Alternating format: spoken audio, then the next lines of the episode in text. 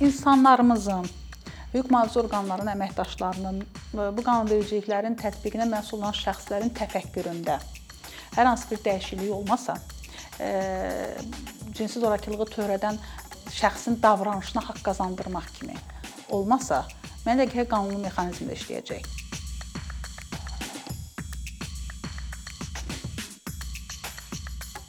Bu gün cəmiyyətdə əslində tez-tez baş verən, amma çox da işıqlandırılmayan və buna məruz qalan insanlar tərəfindən gizlənilən bir mövzu haqqında danışacağıq. Cinsi zorakılıq və qonağımız Vəkillər Kollegiyasının üzvü Sevda Məhərrəmovadır. Sevda xanım, xoş gəlmisiniz. Çox sağ olun dəvət üçün. Xoş gördük. Sevda xanım, cinsi zorakılıq nədir?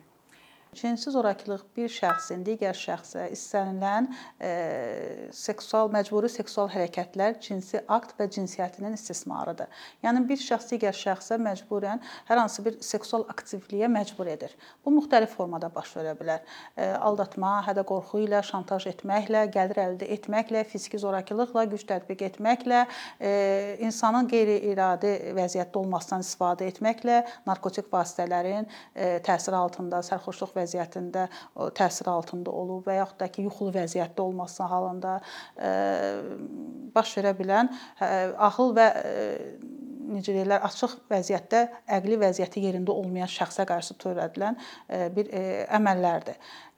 Hər bir kəs cinsi zorakılığın qurbanı olublar. Uşaqlar, böyüklər, yaşından, cinsiyyətindən asılı olmayaraq böyüklər və ağıllar Yəni heç kim sığortalamayıb bu cinayətin e, ona toxunmayacağından. Çox vaxtı e, cəmiyyətdə görürük ki, əsasən 7 yaşına çatmayanlar e, öz ailə üzvləri tərəfindən cinsi zorakılığa məruz qalır və yaxud da inandığı bir şəxs bu məşqçisi ola bilər, müəllimi ola bilər, onun tərəfindən cinsi zorakılığa baş deməli məruz qalır. Lakin böyüklər də öz yaxın ailə üzvləri tərəfindən cinsi zorakılığa məruz qala bilər. Bəzən öz cinsi partnyoru tərəfindən zorakılığa məruz qalır, istəmədiyi cinsi akta məcbur edilir. Üçüncü şəxsin partnyorun cinsi akta dəvət olunması, qatılması ilə əslində bu istəmir bir tərəf, lakin o məcbur olunur cinsi partnyor tərəfindən və yaxud onun tərəfindən zorlanır. Bu həyat yoldaşı da ola bilər, o və yaxud da birgə yaşadığı insan tərəfindən ola bilər.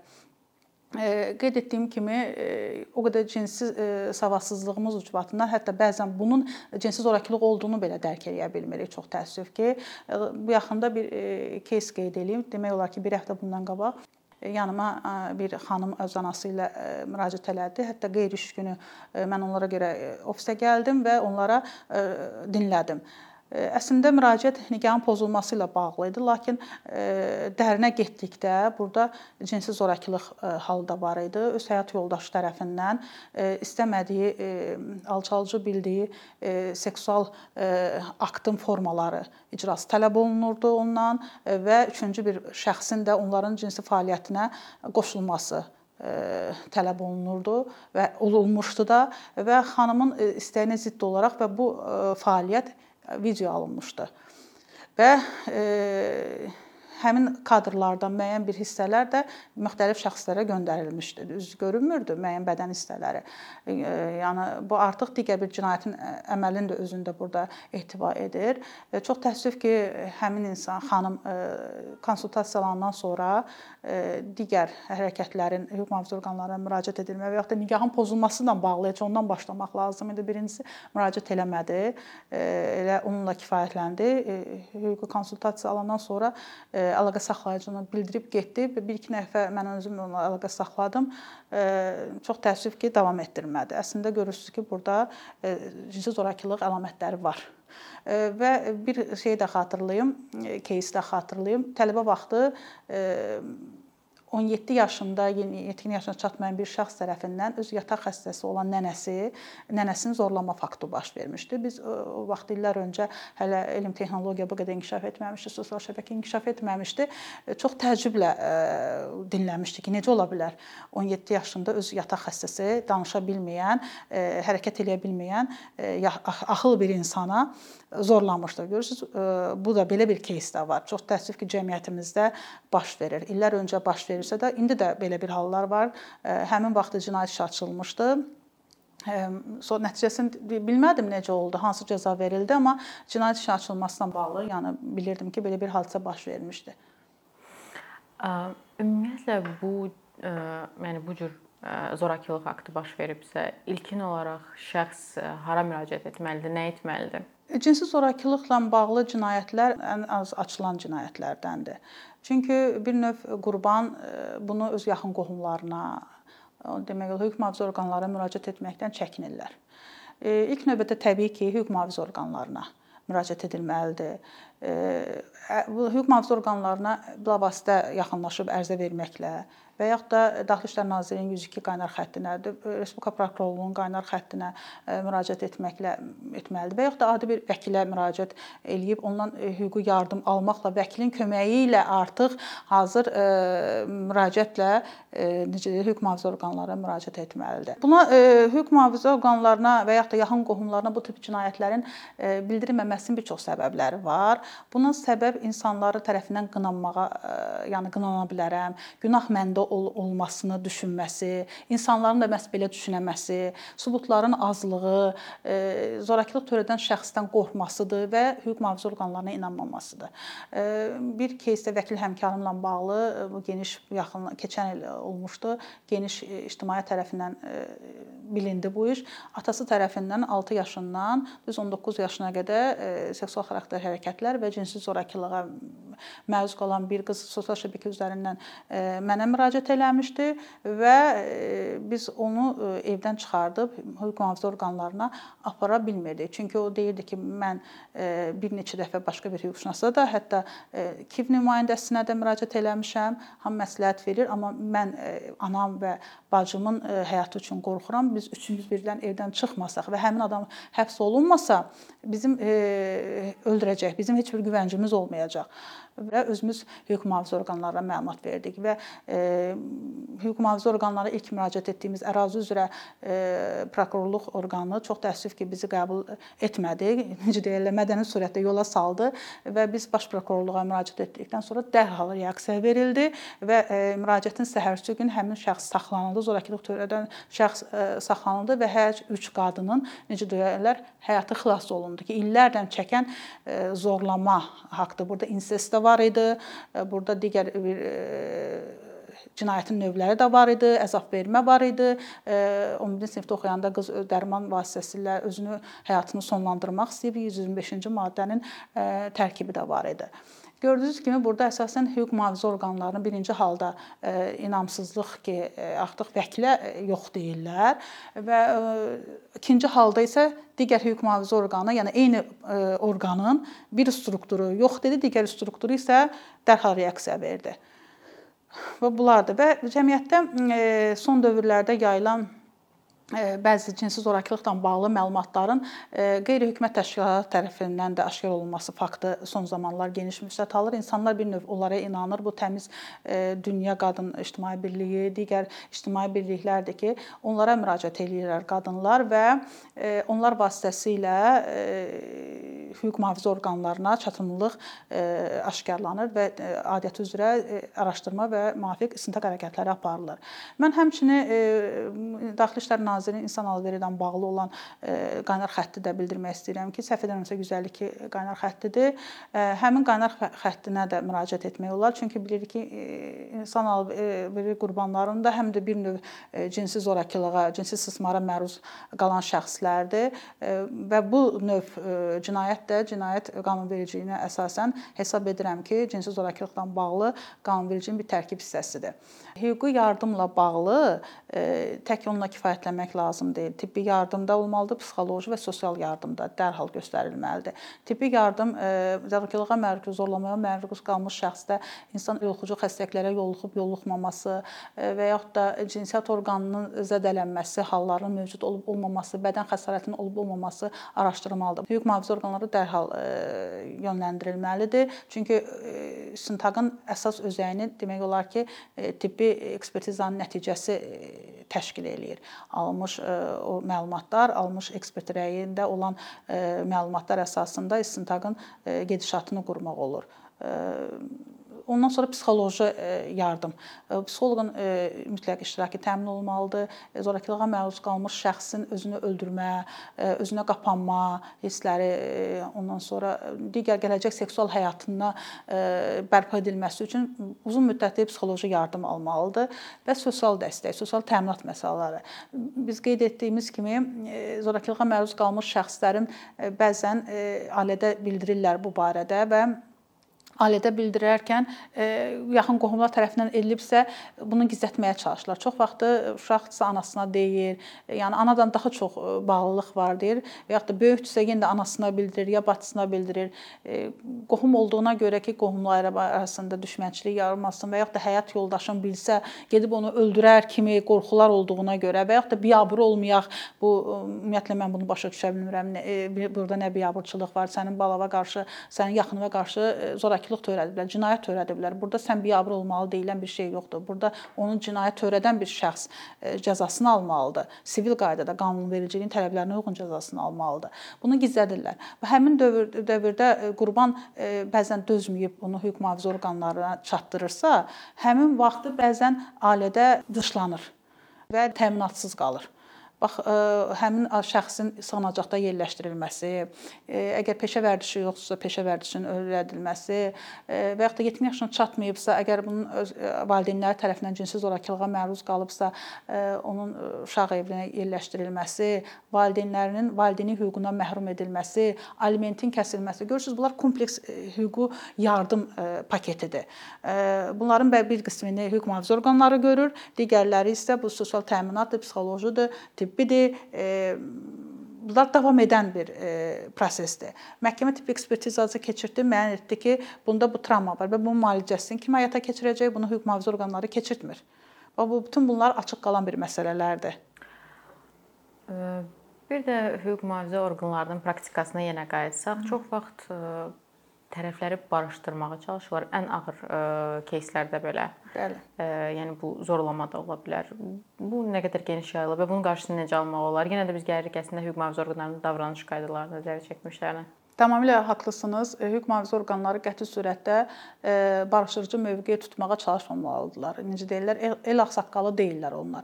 Onlara material daxil olub, bu materialda baş verənlərin həqiqətli olub olmamasını araşdırmalıdırlar. Həqiqətdirsə, e, müvafiq günahkar şəxsi tapıb cəzalandırmasını təmin etməlidirlər.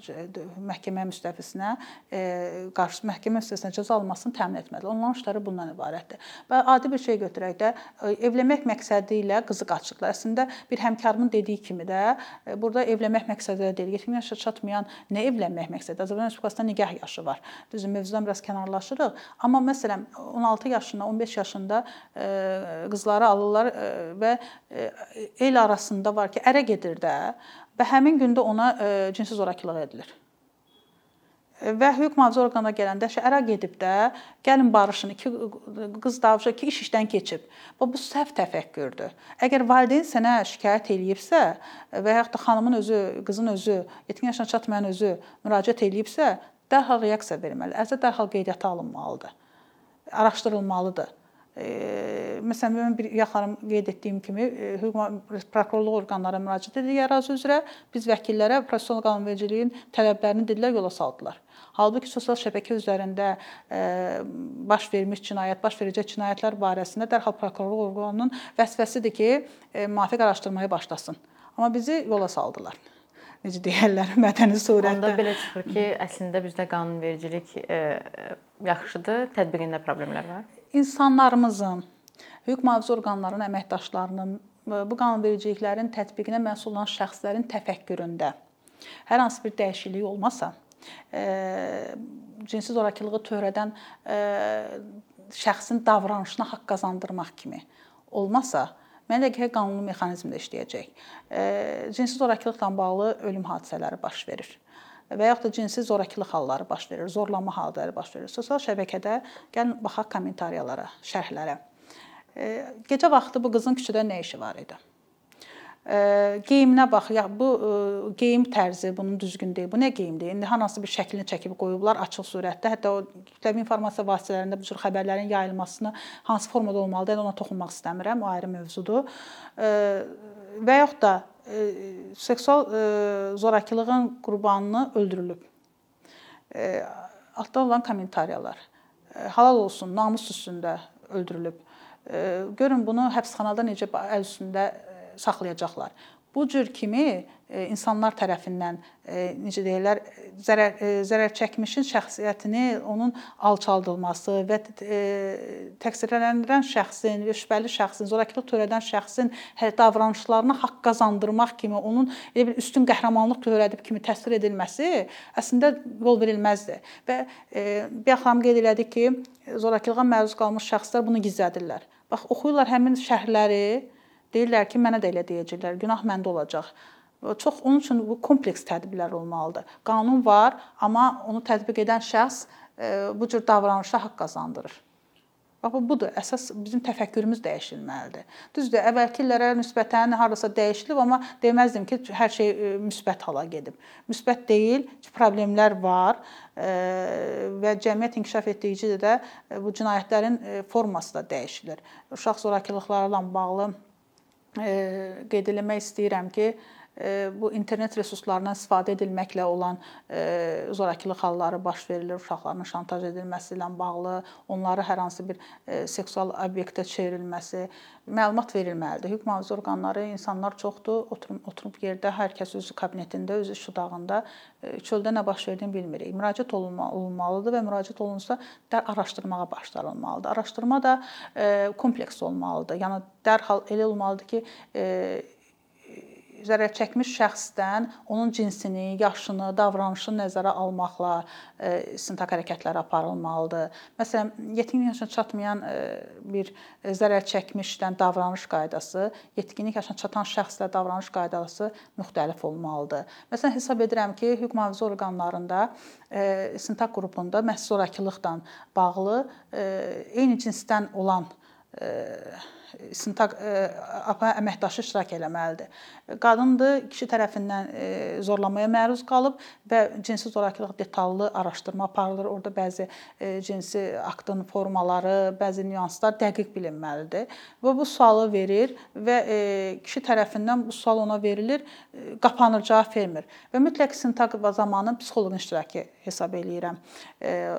təmin olunmalıdır. Yetkin yaşına çatmayanlarla bağlı zaten qanunvericiliyin tələbləri var mən praktikamda yetkinlik yaşına çatmayanlarla bağlı məhkəmələrdə və hüquq mühafizə orqanlarında kifayət qədər müsbət işlər görmüşəm. Yəni onların zorakılıq törədən şəxslə eyni yerdə üzləşmə aparılmaması, bir-birlərini görmədən dindirilməsi, məhkəməyə izahat və ifadələrin verilməsi bu cəhətdən yaşlanma bu böyüklərlə bağlı çox təəssüf ki, bu tətbiq olunmur.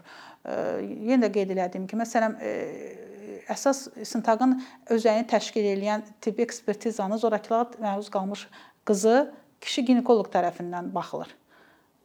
Cinsiyyət orqanına və hadisədən dərhal sonra. Bu, bu özü də mən məsələn bildirmişəm ekspertiza vaxtı da iradımda bildirmişəm ki, burada bir qadın yoxdurmu, gəlib baxsın buna. Əslində bu düzgün deyil, hesab edirəm ki, bu yanlışdır. Biz daha çox zorlama haqqında danışdıq. Yəni birbaşa zor tətbiq etmək və cinsi aktda olmaq haqqında. Tutalım ki, cinsi akt olmayıb müəyyən ə, toxunuşlar və digər seksual xarakterli hərəkətlərə məcbur edilib şəxs və heç bir xəsarət yoxdur bədəndə. Bu necə sübut edilir və necə araşdırılır və bununla bağlı şikayət edənlər olubmu sizin praktikanızda? Birbaşa bununla bağlı mənə özümə müraciət edənlər olmayıb, lakin digər həmkarlarımın icraatında və yaxud da ki sosial şəbəkədə yayılmış bir məlumatlarda görünür ki, bəli, bu tipdə olur. Hər hansı bir cinsiyyət orqanının vasitəsilə əxlaqsız hərəkətlər eləmək. Bunlar Cinayət Məcəlləsinin 153-cü maddəsi əxlaqsız hərəkətlər etməkdir. Bəzən də bunların istintaqı demək olar ki, ancaq şahidin zərər çəkmişin və ya da şahid varsa şahidin izahatlar, ifadələr əsasında açılır. Çünki heç bir təmas yoxdur, zorakılıq əlaməti yoxdur, fiziki zorakılıq əlaməti yoxdur və bununla da yenə bilirəm qurban özünün psixoloji test keçirilir və psixoloji həqiqətən yalan-yalan deyib, deməyib, dedikləri onun təxəyyülün məhsulu deyilmi, psixoloji vəziyyəti nə yerdədir? Bunlar hamısı müstəntiq tərəfindən, hüquq mühafizə orqanları tərəfindən araşdırılır və təsvir olunur hansı qaydada bu uşaq məsələn az yaşlı uşaqlar, 7 yaşına çatmayan uşaqlara qarşı olur. Uşaq başa da düşmür heç bəzən nə olur. Burada zorakılıq hərəkətləri, yəni bədən bədənə hər hansı bir təmas olmadan, amma hər hansı başqa bir seksual xarakterli hərəkətlər edilir uşağa qarşı və yaxud da böyüyə qarşı. Bu yaxında bir həmkarım məsələn bildirdi ki, 16 yaşında bir qız valideynlərinin olmadan təyyarədə səyahət edilmiş və bu zaman yanında oturan bir yaşlı bir özündən qat-qat yaşlı olan bir şəxs tərəfindən bax qısnamaya məruz qalıb. Yenə də qeyd edirəm, qısnamada Azərbaycan Respublikası qanunvericiliyində qısnamanın ancaq termini nədən ibarət olması bildirilir, amma buna görə cəza yoxdur. Mənim iradəmə zidd olaraq mənim bədənimə heç kim toxuna bilməz ictimai nəqliyyatda bir görürük sosial qısnamanın bir növü kimi bir cinsin başqa bir cinsə qarşı hər hansı bir təması. Əslində burada zorakılıq bir hadisə yoxdur, güc tətbiq olunmur. Amma insan narahatdır. Mən istəmirəm, icazə vermirəm, tanımadığım şəxsdir, yaxud da tanıdığım şəxsdir mənim bədən üzvlərimə, seksual zonama əl vursun, toxunsun və bundan həzz alsın. Bu özü artıq e, seksual e, zorakılıq hərəkətləridir. Yəni birbaşa fiziki təmas var, zorakılıq yoxdur, amma təmas var. E, əlbəttə bunun araşdırılması da xüsusi bilik, savad tələb eləyir. Və ilk növbədə olaraq zərər çəkmişin şəxsin təsviri əsasında Yəni hansı formada, necə onun məsələn suallar verilir, üzləşmə aparılır üzləşmə istintaq hərəkətlərinin bir növüdür və burada artıq kimin yalan, kimin düz deyilməsinə hüquq mühafizə orqanları qiymət verirlər. Və yenə şahid varsa, şahid ola bilər ki, e, bu dəfələrlə olub, e, evdə kiməsə deməyə qorxub, lakin öz sinif yoldaşına deyib və yaxud da ki, özünə yaxın bildiyi bir şəxsə deyib, həmin adam da qorxub məsələn bu məlumatı verməyə, amma artıq işin üstü açılandan sonra həmin şəxs də şahid kimi e, artıq gəlir e, izahatını verir və həqiqətən də bu hadisənin baş verməsi sübuta yetirilir ki, bəli, belə bir hadisə baş verib. Nə düşünürsüz? Ümumiyyətlə siz praktikanızda qarşılaşdığınız çətinliklərdən danışsaq, təklifləriniz nə olar ki, bu tip cinayətlərin qarşısını almaq olsun, ya da ki, onu törədən şəxslərin məsuliyyətə cəlb edilməsi üçün məsələn dəfələrlə qarşılaşdığınız çətinliklər və bunları aradan qaldırmaq üçün ya qanunvericiliyə dəyişiklik etmək, ya da qanunverici qənaətbəxşsə tətbiqi ilə bağlı təklifləriniz, yəni tətbiqdə problemlər varsa. Cinayət Məcəlləsini nəzərə salmaq olar ki, Cinayət Məcəlləsinin bir sıra maddələri vardır ki, bunlar məhz seksual xarakterli cinsi zorakılıqla bağlı maddələrdir.